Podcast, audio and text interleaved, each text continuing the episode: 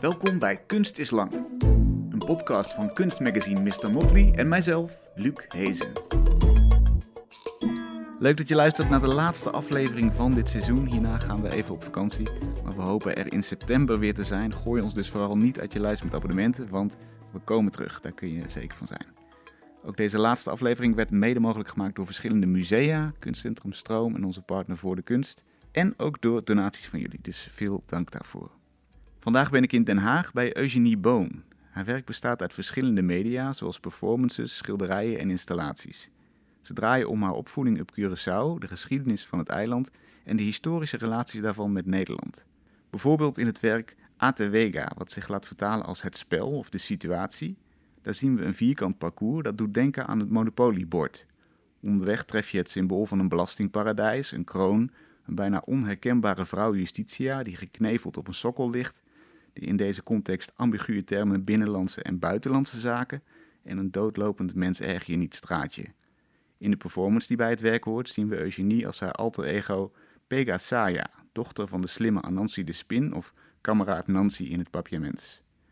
Ook in haar afstudeerwerk draait het om de relatie tussen Curaçao en Nederland.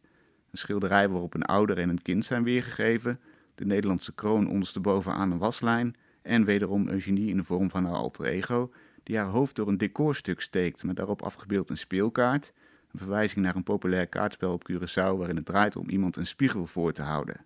Leuk dat je me ontvangt, Eugenie. Ja, dankjewel. In je schitterende atelier, heel ruim, twee mooie grote delen, fotografiedeel ook, make-up deel, beeldende kunstdeel. Ja. Heel goed voor elkaar. Ja, toch? Dankjewel. um, om jouw werk goed te begrijpen, lijkt het me goed om de basale kennis over Curaçao op tafel te leggen, om het even op te frissen. Ja. Uh, ik heb een voorzetje gedaan. Uh, dus uh, we, hebben het over het eiland. lange geschiedenis met Nederland. Ligt voor de kust van Venezuela natuurlijk. Was een, nou ja, geschiedenis die heel lang teruggaat al. Belangrijke tussenschakel in de transatlantische slavenhandel, waar Nederland actief in was. Hè. Dus de West-Indische Compagnie die was al sinds 1643 actief. Tussen 1816 en 1954 is Curaçao dan een kolonie van Nederland. En sinds 1954 is er politieke autonomie. In 1914 werd er heel veel aardolie gevonden. Dat is natuurlijk een belangrijk om te vermelden. Koninklijke Shell die was er als de kippen bij om daar een raffinaderij te starten. Ja. En die vervolgens ook weer te verlaten, mid jaren 80. En een heel belangrijk moment is dan uh, 30 mei 1989. Grote opstand van arbeiders tegen de oneerlijke werkomstandigheden. Ja. En de grote sociale ongelijkheid tussen witte en zwarte bewoners op het eiland. Uh, vanaf 2010 is het een autonoom land binnen het Koninkrijk der Nederlanden. Wat natuurlijk niet betekent dat het dan meteen een machtsverhouding is die gelijk is, zullen we maar zeggen. Ja. Alleen al het feit dat ik nu die introductie aan het geven ben Mhm. en, en jullie gewoon onderwijs hebben gehad op Curaçao over Nederland, Ja. laat dat al heel goed zien natuurlijk dat daar geen gelijkheid in zit. Nee, nee. Wat moeten we nog meer weten vanuit jouw perspectief om jouw werk goed te kunnen begrijpen? Ehm, nou, Curaçao is dus... Ja, je hebt- ja je hebt echt eh, alles best wel eh, goed eh, gezegd of ja, uitgelegd. Mhm. Dat zijn ook wel belangrijke punten die ook terugkomen in mijn werk. Dus eh, dat heb je al goed, goed uitgelegd. Maar naast de, dat gaat het ook over de mensen zelf van het eiland. Want dat voorbeelden die je hebt gegeven gaat echt puur over de, de facts van Ja. wa- wat geschiedenis zegt. Uh, maar het gaat ook wel over de mens en de cultuur en de filosofie van de mensen. En dat is iets dat dus uh, da- daarin zit er ook niet echt uh, de waardering of de e- equality waarover je ook net had uh, aangegeven. Ja, Dus daar gaat mijn werk iets dieper in. Ja, in de kunst hebben we ook filosofielessen gehad. We hebben ook um, kunstgeschiedenis en het connecteren van die, die, al die aspecten. En dat Mhm. moest ik ook uh, in mijn werk doen, omdat er een bepaalde urgentie uh, was van mijn eigen levenservaring. ja. Dus uh, Je ja. hebt dat eigenlijk aan de hand van drie thema's eh, Ja. gedaan hè, in je werk op de academie. Ja, Eh, Ja. laten, we, laten we ze gewoon eens kort nalopen. ja. Bijvoorbeeld eh, het onderwijssysteem is er eentje die je hebt uitgepikt. Ja, ik, ehm, ja, toen ik naar Nederland ben gekomen, voordat ik naar Nederland ben gekomen, eh, ik wist niet precies wat ik wou doen en ik was op een HAVO-VWO-school. Ehm, geen enkele vak paste echt bij mij. Of ja, ik kon niet echt zo goed wiskunde, dus ik had zoiets van, ja, nou, nou moet ik met die die pretpakket, wat moet ik ermee? En dat is de cultuur- en maatschappijpakket. Want ja, je wordt geen dokter, je wordt geen lawyer en je beschouwt jezelf wel slim, maar als je naar met een cultuur- en maatschappijpakket gaat, dan ja, is niet, je bent niet de slimste of zo. Mm. maar wat moet je ermee, is uh, meer de vraag. En ik was altijd iemand die heel, ja, uh, heel actief was in, in het creatieve, zeg maar. Ik danste, ik deed make-up, ik deed uh, modeling. Dus niks van de vakken of de, de, de carri carrières die ze ons ja, toelichten, leek voor mij wat. En toen heb ik uh, tegen mijn kunstvakdocent gezegd van, weet je, ik weet niet wat ik moet doen. En ze zei tegen mij, ga eens uh, even kijken naar de IBB. En dat is het Instituto Buenavista op Curaçao. Mm -hmm. opgericht, opgericht door David Wade en Tirzo Maarta. Mm -hmm. En daar heb ik dus een, uh, mijn portfolio opgebouwd. Ik werd aangenomen. En via hun ben ik dus aangenomen ook wel na twee jaar bij de HKU. En zodoende ben ik naar Nederland gekomen. En begon ik dan de kunstacademie hier in Nederland. Ja. ja. Eigenlijk op een manier die helemaal niet uh, vanzelfsprekend was. Nee. Dus uh, wat je zegt, uh, jurist kun je worden, advocaat kun je ja. worden, dokter. Dat ja. zijn een beetje de lekkere beroepen. Economie, dus bij de bank werken. Ja. Dus dat zijn werken die, ja, die gerespecteerd worden, zeg maar. Ja. Of maatschappelijk werker, of uh, ja, psycholoog. Maar er, er, is een bepaalde druk op de HAVO-VWO-niveau. Uh, uh, jongere studenten, om dan ook wel een pad te kiezen waar, weet je, het reflecteert weer dat je slim bent. En je, weet je, dat, dat Ja. gevoel krijg je ook. En dan heb je een groot verschil tussen de v, VSBO, dus de VMBO, en de HAVO, dus de uh, de niveaus op de eiland, dus de met klassenverschillen, heb je ook wel in het educatiesysteem. En uh, terwijl, als ik nu terugkijk, heb ik zoiets van, uh, het is meer praktisch, de VMBO, mm -hmm. en de HAVO-VWO is meer theoretisch, maar het, het hoeft niet zoveel verschil te maken. Want je moet niet getraind worden om alleen werknemer te worden, maar ook wel dingen zoals leiderschap moet, moeten we meer krijgen op de, op de scholen. en dat komt niet echt goed terug. Dat Hmm. jongeren zomaar projecten gaan doen. Dat, in mijn periode kwam dat niet zoveel terug. Dus uh, dat is één, de educatiesysteem. Dan heb je ook de religie. Uh, en hoe, zeg maar, als je terugkijkt in de geschiedenis, um, zie je dat er een bepaalde civilisatie plaats uh, heeft gevonden op Curaçao.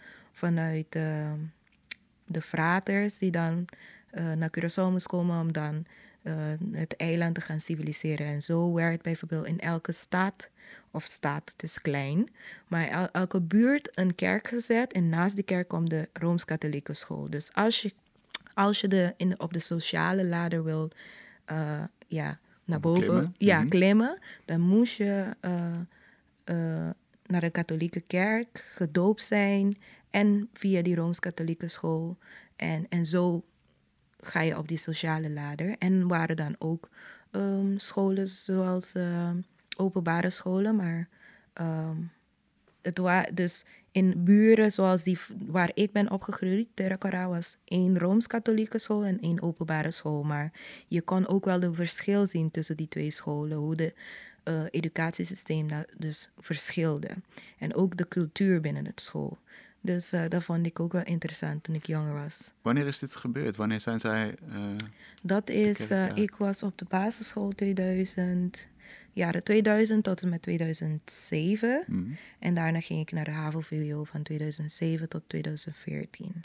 En, en, en de, die civilisatie, civila Civilisa civilisaties, het is een moeilijk woord. ja, dat was in, als ik me niet vergis, vanaf 1800 zoveel. Ja, precies. Ja, vanaf die periode. Want je, je had de revolutie van Tula, toen was het de, was het, uh, de revolutie van de slaven op Curaçao. En uh, daarna was een soort van gap tussen.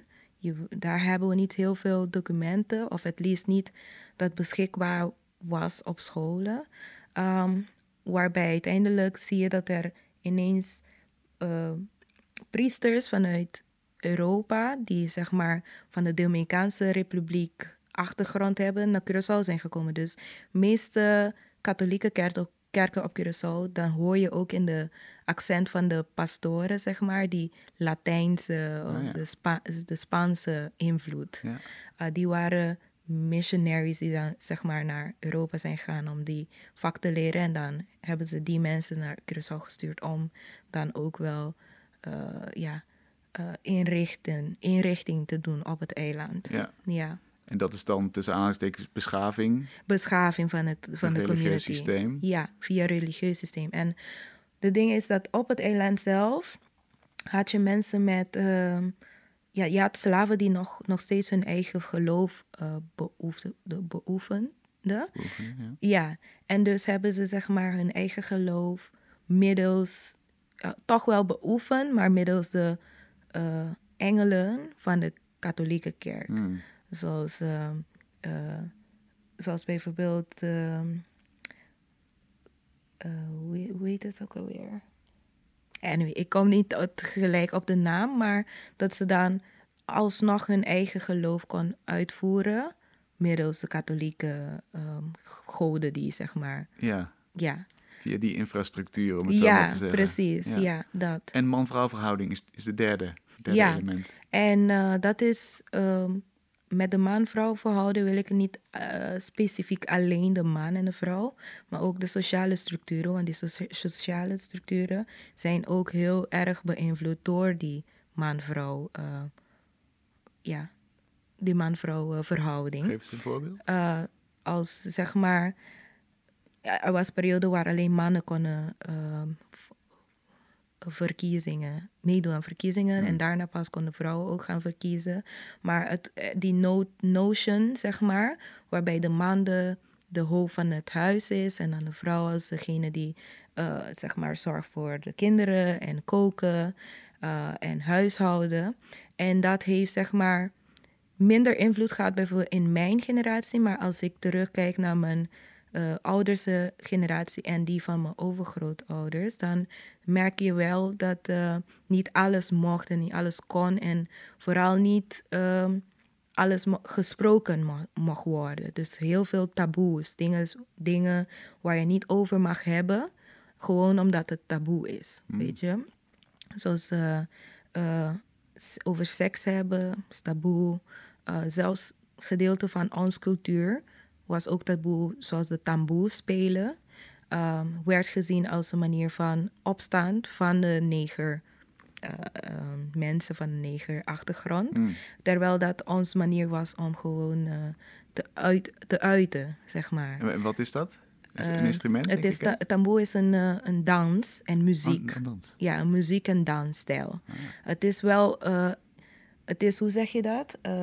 Als je iets moeilijk zit, of je vindt het lastig, dan uit je dat middels een liedje, die dan met eh, eh, drums, eh, met, hoe zeg je, ja, met drums, gespeeld wordt samen met chapi en wiri. En chapi is zeg maar een, een, dat gebruikten ze zeg maar om de tuinen schoon te maken. En dan die instrument is van metaal. En dan met een andere metaal ga je op eh, slaan en dan gaat het die klink, klink, klink, klink, klink, klink geluid brengen. Ah, ja. En die tamboe geeft meer die baas. Die en eh, met al die, die geluiden wanneer ze samenkomen, het is bij, bijna alsof je een gevecht voert, maar alleen met woorden en muziek. En dan in die, in die liedje zelf, dan gaat die vrouw, oh, meestal is het een vrouw, soms is het ook man, dan gaat die ten eerste introduceren waarover de ehm, gevecht gaat.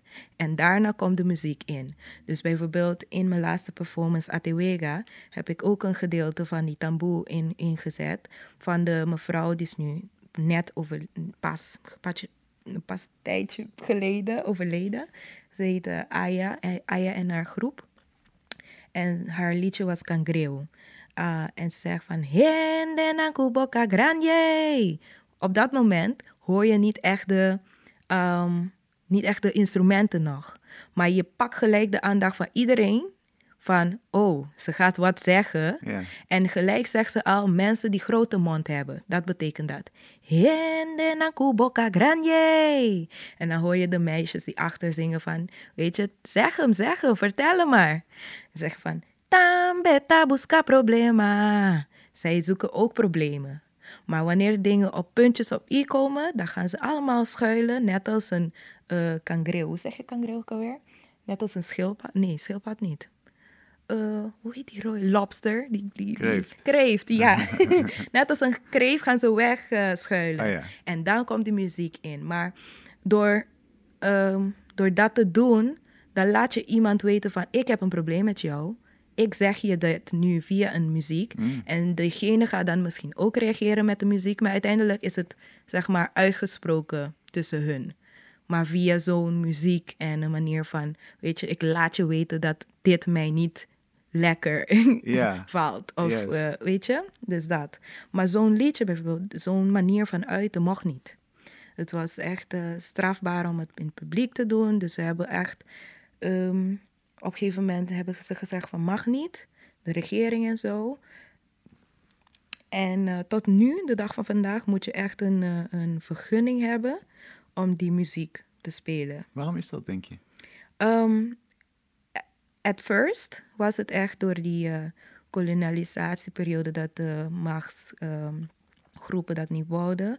Maar op een gegeven moment, omdat mensen dan ook wel van Curaçao ze zelf, met die klassenverschil, taboe begonnen te zien als dat wat de niet beschaafde mens doet. Ook zeg maar die verschil, dus die, die gap heeft uh, gebouwd. Mm. Dus dat sommige mensen van Curaçao ook zoiets hebben, nou joh, nee, ik ga echt niet dat die tamboe en uh, al die dingen, ze, wil, ze wouden niet geassocieerd worden Oh. meer daarmee. Maar er waren wel die mensen die wel dat zien als hun cultuur, iets waar ze juist proud van moeten zijn. Mhm.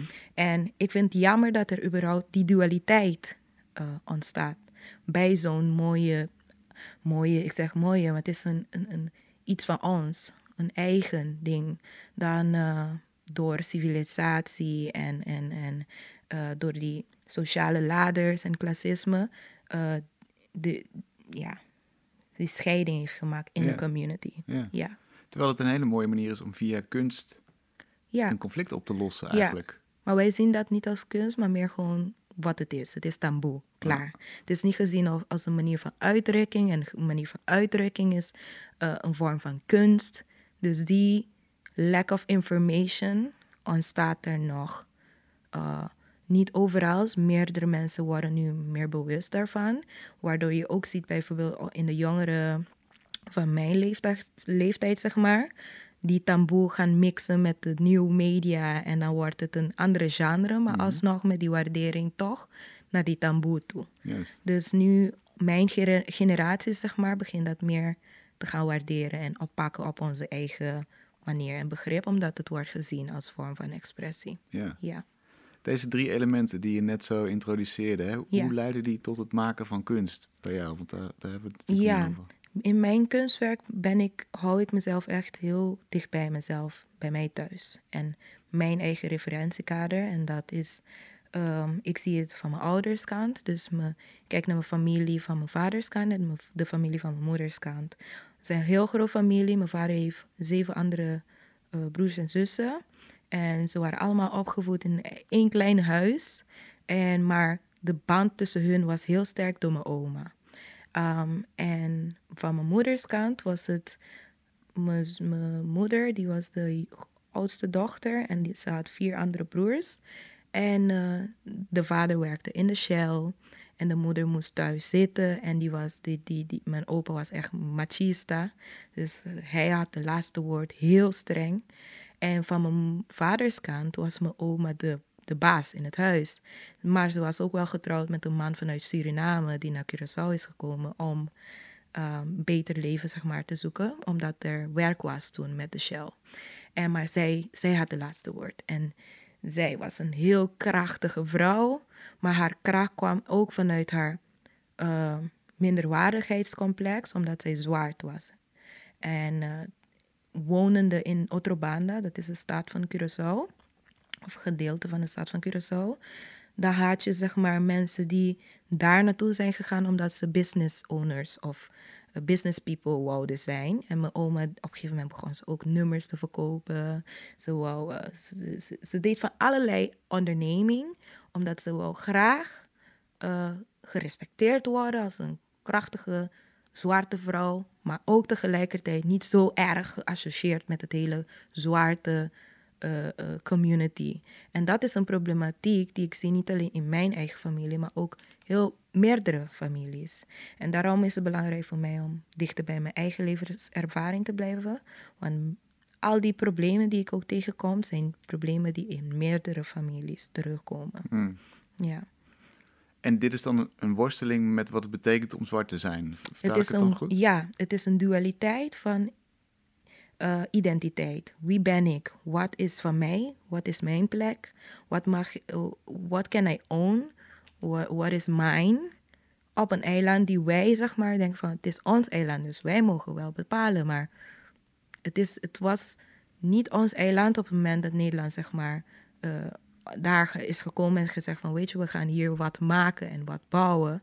Zij zaten in een eigen eh, proces van verovering van land en eh, zeg maar hun rijk groter maken, zeg maar.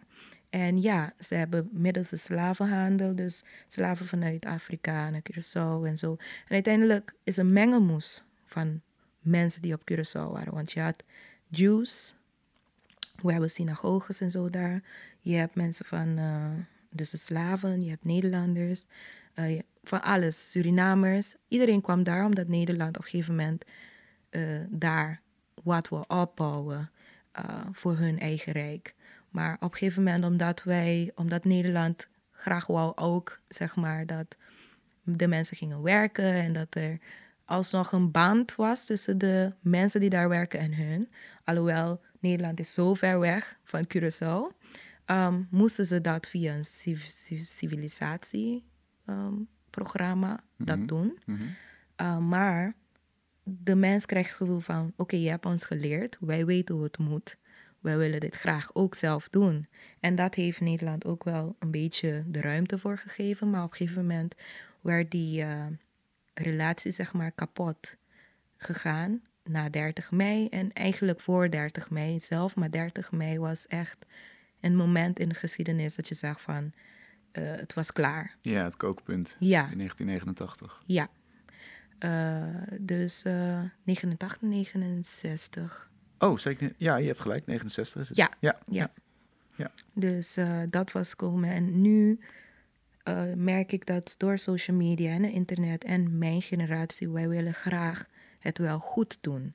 Het, en wij willen graag ook wel onze eigen identiteit en wat iets kunnen benoemen dat van ons is.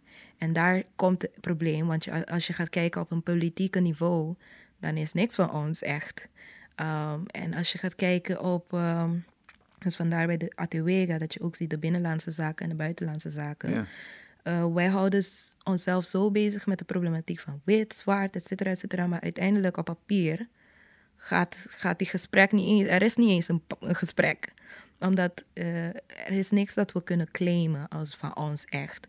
Dus het enige wat we kunnen doen op dit, op dit moment, uh, met het hele coho op Curaçao en het uh, slechte financiële situatie na de COVID en zo, is zeg maar dat we blijven werken als Curaçaoenaars en kijken als er een manier is om alsnog die relatie te verbeteren tussen Curaçao en Nederland. En duidelijk te zeggen, wat is nou de relatie tussen Curaçao en Nederland? Wat kunnen we van elkaar verwachten of wat niet?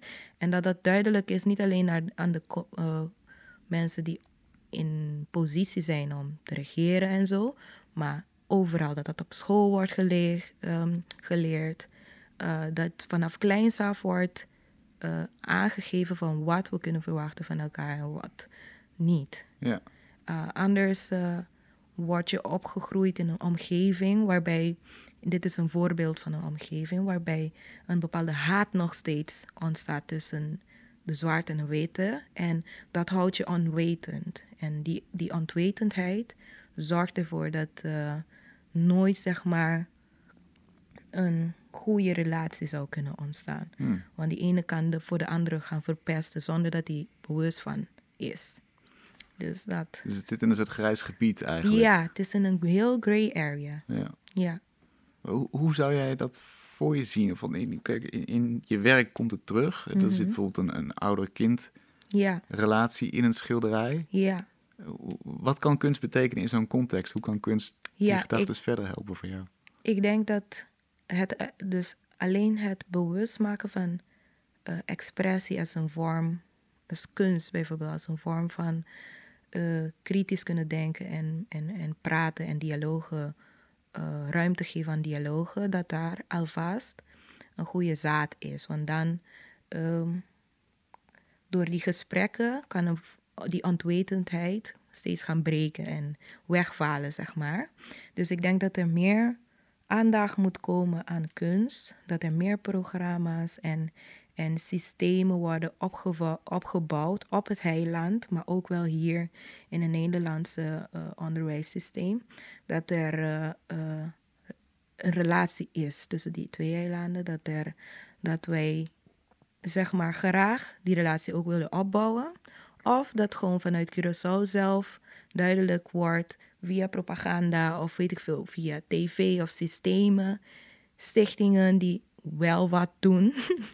en ook heel veel transparantie, want er is niet veel transparantie op het eiland. En het is zo klein, dus eigenlijk hoeft niet zo eh, geheimzinnig te zijn met zulke informaties. Hmm. Want die, die, die misinformation zullen zorgen voor die miscommunicatie. En die miscommunicatie zal altijd zorgen dat wij als Curaçaoenaar nooit zullen leren van hoe het moet. En in principe, Nederland is een ou, oudere rijk dan... Oudere rijk, hoe zeg je dat? Ze, ze zijn meer in het wereldse systeem Hmm. dan een Curaçao. Uh, zij hebben eh, heel veel meegemaakt vanaf geschiedenis tot nu toe. Ze hebben heel veel gevochten, ook in hun eigen geschiedenis. En dat is Curaçao nu aan het doen voor zichzelf. Maar is er wel die ruimte om dan op een gegeven moment eh, eh, ehm, op, op onze eigen be- benen te kunnen staan? Dus dat Financieel. financieel, maar ook wel met systemen opgebouwd die ook passen met de mensen op het eiland. Ja. Eh, systemen die ervoor zorgen dat al, al gaat het niet goed, bijvoorbeeld met zo'n COVID, dat we alsnog op onze eigen benen kunnen staan. Want wat, want wat gebeurt door corruptie ook op het eiland, ehm, krijgen we zeg maar van Nederland dus, eh, subsidies en al die eh, financiële steun. Maar het is net alsof je een klein kind wat geeft, zegt van ga verantwoordelijk voor zijn. Hmm. Maar die kind weet niet in alle eh, aspecten hoe dat moet. Die zegt tegen ja, ik weet het wel. Maar die weet het niet. En wanneer het misgaat, oh ja, maar het is misgegaan. Wat kunnen we nu doen? En dat gebeurt steeds. Hmm. En eh, die power relation dan tussen die twee Mhm. laat altijd, of komt altijd dan over alsof, ja, hier gaat Curaçao weer. Ze weten niet hoe ze het moeten doen. Wij komen weer wel de boel opruimen voor jullie, maar ja, komt wel goed. We doen het wel. Hmm. En dat bouwt ook niet de identiteit op van de mensen op Curaçao. En dan hebben ze altijd het gevoel van, ja, we hebben toch wel altijd Nederland nodig. Maar als, nodig, ja. Ehm, maar als er een betere narratief is tussen wat de relatie is tussen hun en dat er een bepaalde respect is van oké, we zijn een jonge staat, een jonge land. Wij moeten nog veel leren. Als er echt een eh, relatie van interesse eh, naar elkaar toe is, dan zul je zien dat eh, ehm, de mensen daar ook heel- veel passie en interesse hebben in het eiland. En de pat- patriotism, hoe zeg je dat in Nederland? De patrioti- patrioriteit. Mhm. eh, voor, ervoor zal zorgen dat de mensen terugkomen naar het eiland Mm. en erop werken. Maar veel jongeren zeggen van, weet je, kom hier in Nederland, alles is al geregeld. Waarom zou ik naar Curaçao gaan, waar niks is geregeld? Ik zou niet echt kunnen, kunnen leven van het geld die je gaat verdienen. Dus ik blijf beter hier. Dan heb het geval van brain drain op het eiland. En eh, zo zo is het al jaren gaande. En nu heb je wel door social media weer en internet dat mensen zeg maar online kunnen bestellen, dat steeds meer mensen hun eigen zaak en zo beginnen op te bouwen, op het eiland zelf en proberen die ondernemingschapwereld in te gaan. Dat is een wereld die op klein niveau uh, makkelijk lijkt of uh, heel eenvoudig lijkt, maar op grotere uh, schaal of grotere niveau. Als je kijkt naar de wereldoorlogen, dat was ook een vorm van business. Um, je huishouden is een business. Dus als je niet een goede huishouden hebt, hoe kan je een business opbouwen? Dus al die kleine aspecten die spelen, zeg maar van de kleinste vorm van relatie, spelen ook in een grotere vorm in business en zo. Ja, je eerst moet je basis goed zijn voordat je, je daar bovenop iets kunt bouwen en verder kunt komen. Precies. En de basis is nu wankeling. Is goed, ja. ja. En, en uh, het laatste woord misschien over politiek, want we moeten het ook over de kunst hebben natuurlijk. Maar de, de, de vooruitgang zit hem in een heldere relatie, mm afhankelijkheidsrelatie, of in ieder geval gedefinieerde relatie ja. tussen ja. Curaçao en Nederland. Ja. Met heldere verwachtingen aan beide kanten. Ja, ja. En uh, begrip ook van waarom het mis is gegaan al die tijd en hoe, hoe we dat echt kunnen aanpakken. aanpakken. En ik denk dat uh, kunst een goede, goede tool is daarvoor. Hmm. Kunst in alle vormen. Niet alleen uh, zoals ik het nu doe, maar ook in theater, muziek en andere vormen van kunst. Je hebt een soort alter ego uit de verhalen van Nancy. Nancy. Ja, Pegasaya. Ja, waarom die? Um, in mijn ja, het is, het is ja, een grappig verhaal. Maar ik, ik hield echt van de verhalen van Nancy. En ik, ik vond altijd leuk, want wanneer ik die verhalen, verhalen hoor, dan kon ik mezelf dan inplaatsen in de, uh, in de levenservaring of de ervaringen van Anansi, maar ook wel van Shimaria en dan ook Shongarei. Dus, Shimaria is, is uh, zijn vrouw, hè? Ja, is zijn vrouw. Uh -huh. En Shongarei wordt gezien als de, de blanke man, zeg maar, in mm. de verhaal. Mm. Um, maar een andere ka karakter in de verhaal was Pegasaya. En Pegasaya was de kleinste zoon van Anansi.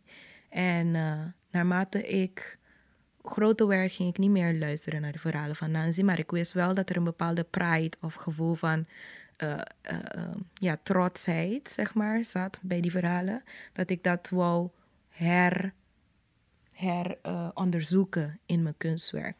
En uh, voordat ik ben gekomen, nou, ik, Tierzo Maarten is echt mijn mentor mm-hmm. op Curaçao. En uh, ik reed met hem mee van IBB naar huis, want hij woonde ook op Bandabouw.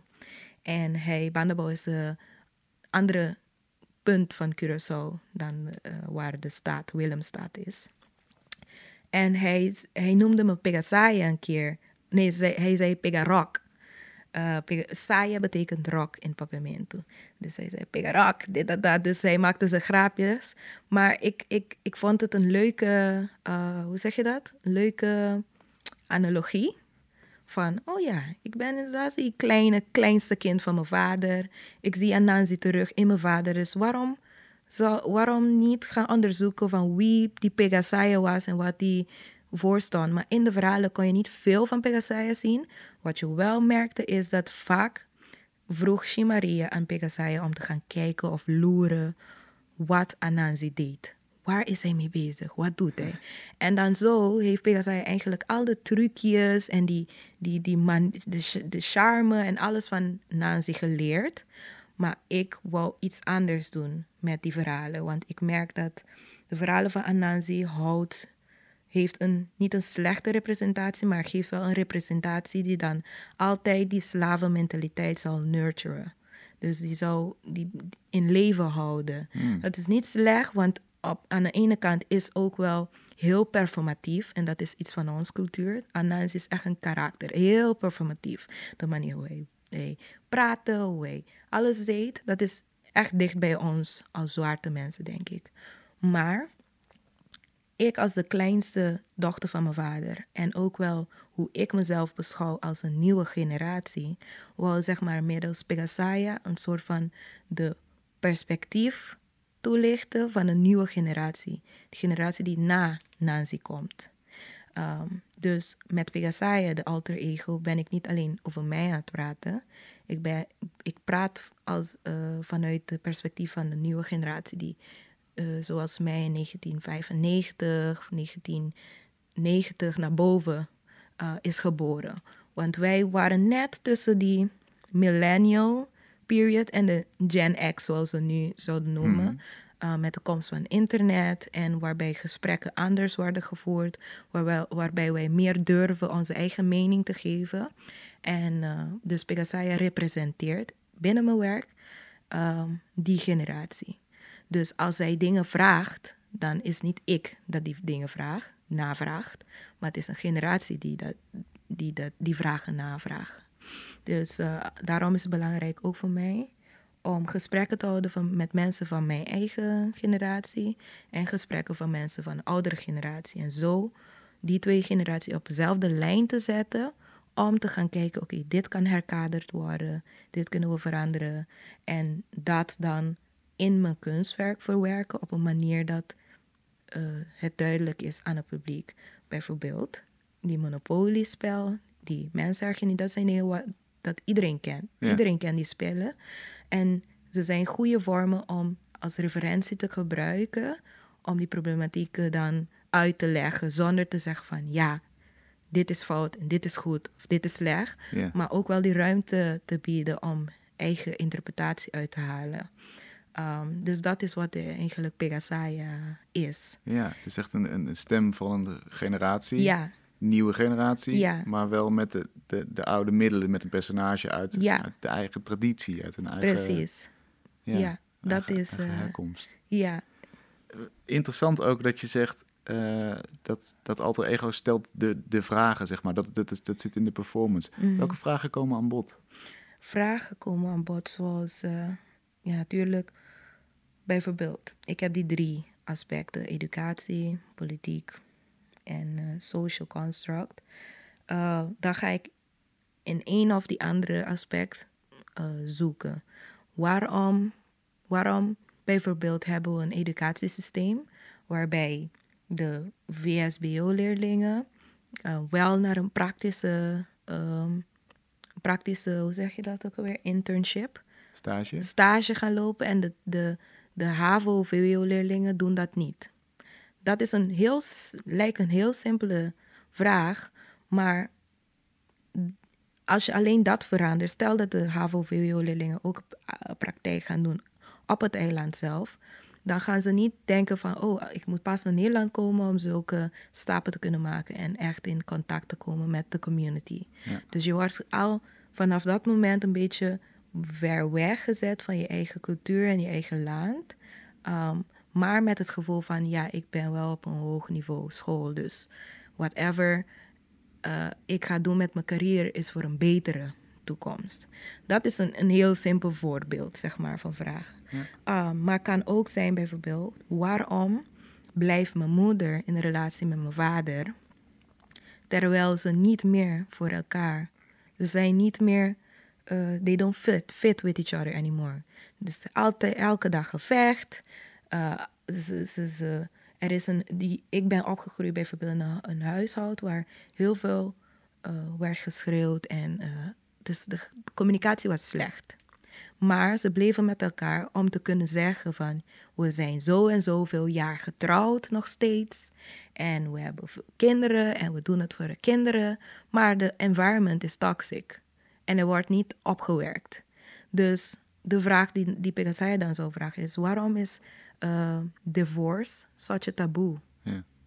Dus dat zijn de vragen die de nieuwe generatie vraagt. Of waarom praten we niet over mental health? Hoe dat een effect heeft gehad voor- op mij bijvoorbeeld als kind vanaf kleins af. Die verwaarloosheid. Waarom is er geen systemen op het eiland waarbij in, in een klas leerlingen eh, mensen hebben die met hun en de familie in gesprek gaan? Dat, dat zo'n systeem heb je wel in Nederland bijvoorbeeld.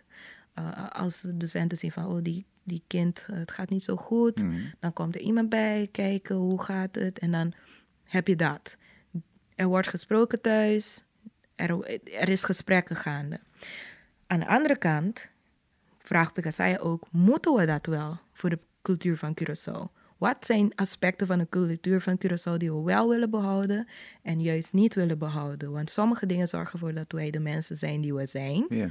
Maar e- andere dingen zorgen ervoor dat we, we de mensen zijn die we zijn, maar die we niet, niet zo mooi of goed vinden. Of die juist niet meer passen als we um, een andere beeld hebben van hoe wij Curaçao willen zien later. Er moet discipline komen, er moet uh, andere, man, uh, andere aanpak komen waarbij misschien een botsing komt tussen de cultuur die al nu ontstaat en die wij uh, graag anders willen zien. Dus, en kunst is een breekijzer daarin dan. Kan, Ja. kan zo'n botsing zijn. Hoewel het ook wel, eh, eh, zoals je terecht omschrijft, eh, zo open wordt gelaten dat je, de, de- je hoeft er geen aanstoot aan te nemen als je dat niet wil. ja, Er zit ook, het is nog wel subtiel. Het is Ja. speels, ja, vriendelijk. ja. Eh, er zit natuurlijk kritiek in wel. Mhm. Eh, je, je laat een, een, een spiegel zien. En dit gaat natuurlijk ook heel duidelijk over, nou ja, Monopoly is een spel van hebzucht. Hè? Eh, Mhm. Andere mensen zoveel mogelijk geld afhandig maken. Mensen erg je niet, staat in een doodlopend straatje. Dus ja, natuurlijk, ja, het is Ja. heel duidelijk wat daaronder zit. ja, Maar het, het is op een subtiele manier. ja. Kan je je ook voorstellen dat het ooit een keer niet subtiel gaat? Niet Dat ja. je denkt, ja, nu genoeg met die subtiliteit. En hup. Ehm, ja, ehm, maar ik, ik denk niet dat het handig zou zijn. Dat is wat is gebeurd, zeg maar, naar mijn opinie, in de 30 mei geval. Eh, dat niet subtiel, Juist. maar ze zeggen wel dat ze hebben voor een lange tijd geprobeerd subtiel om te gaan door te vragen en, en echt, eh, zeg je, hoe zeg je dat? Eh, op een netjes manier te vragen van, weet je, waarom is dat zo? We willen verandering, maar omdat er genegeerd werd, op een gegeven moment hadden de mensen ook wel zoiets van, weet je, nu is het klaar. We willen een stempel of een manier laten zien dat we het niet meer willen, zo willen. Ja. Of dat een, de juiste manier was om om te gaan met het geval.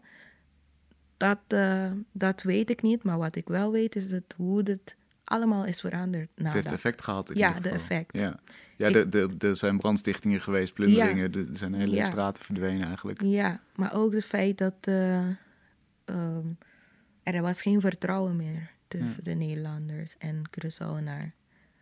En eh, ik bedoel, Curaçao had de eerste landing van een vliegtuig van, eh, waar was het? De Atlantische Oceaan op Curaçao. We hadden de eerste uh, beer brewery op het eh, eiland, in die, in, in, in die region. Dus er waren heel veel goede dingen gaande tijdens de globalisatie en industriële revolutieperiode voor het eiland met de komst van Nederland. Dat was goed. Maar eh, de mensen voelden alsnog dat zij minder waren dan de Nederlanders.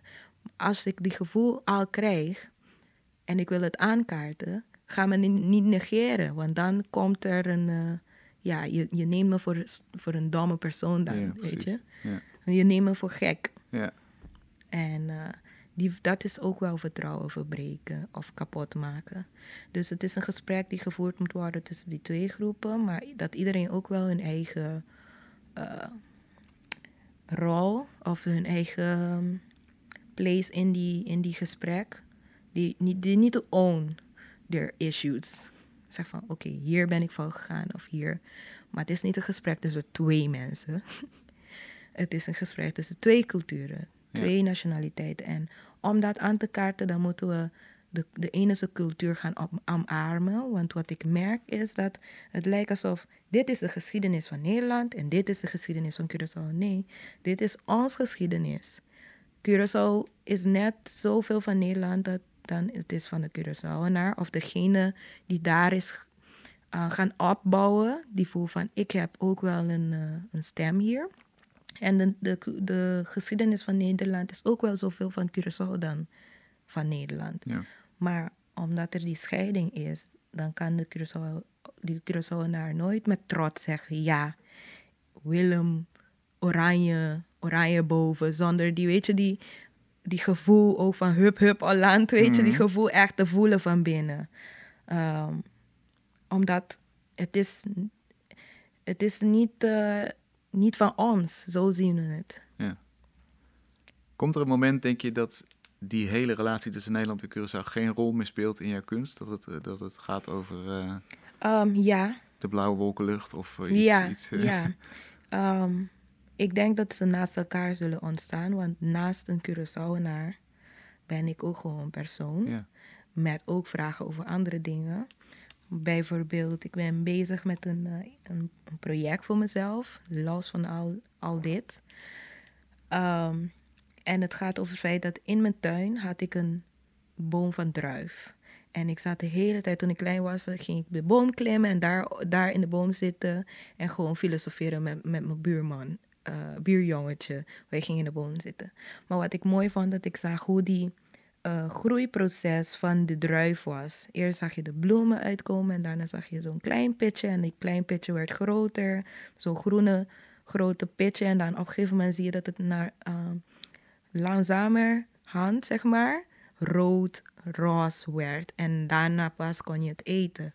En ik heb heel veel in, interesse in de anatomie van zulke dingen. Want ik zie heel veel in gemeen met zo'n anatomie. Met de groeiproces van een persoon. Dus hoe wij als mensen ook door zo'n proces gaan. Dat je eerst een, een bloem bent en dan ben je een zaadje.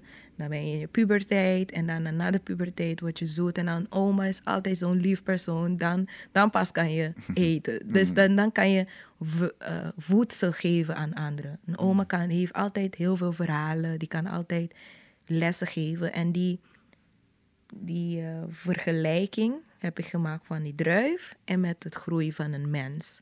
En dat wil ik daarna verwerken in mijn werk met echte materialen, dat je dan die proces ziet. En misschien via geluid of spoken word, uh, die, uh, die, die, hoe zeg je dat? Die vergelijking dan leest of hoort. En dat heeft niks te maken met um, Nederland en Curaçao's relatie, nee. maar op een ander niveau uh, heeft het wel effect dat wij als Curaçaoenaar ook kunnen uh, zo'n, zo'n op een poëtische manier groei, over groei kunnen praten. Want het gaat over het groeien ook van de mens, uh, dus de groei van de mens op Curaçao of de mensen op Nederland. Dus uiteindelijk komt het neer op dingen die intangibel zijn, die alsnog een rol spelen bij bijvoorbeeld zoiets als een relatie tussen twee landen. Ik kan niet wachten om het te zien. Ja. Dankjewel. Nou, graag gedaan. Voor je fantastische perspectief en, uh, en uitleg daarbij. Dank je. Dank je wel. Zoals gezegd was dit de laatste aflevering van dit seizoen, maar behoud vooral je abonnement, want we gaan nieuwe afleveringen maken en die zijn er na de zomer weer. Een heel fijne zomer en tot horens in het nieuwe seizoen.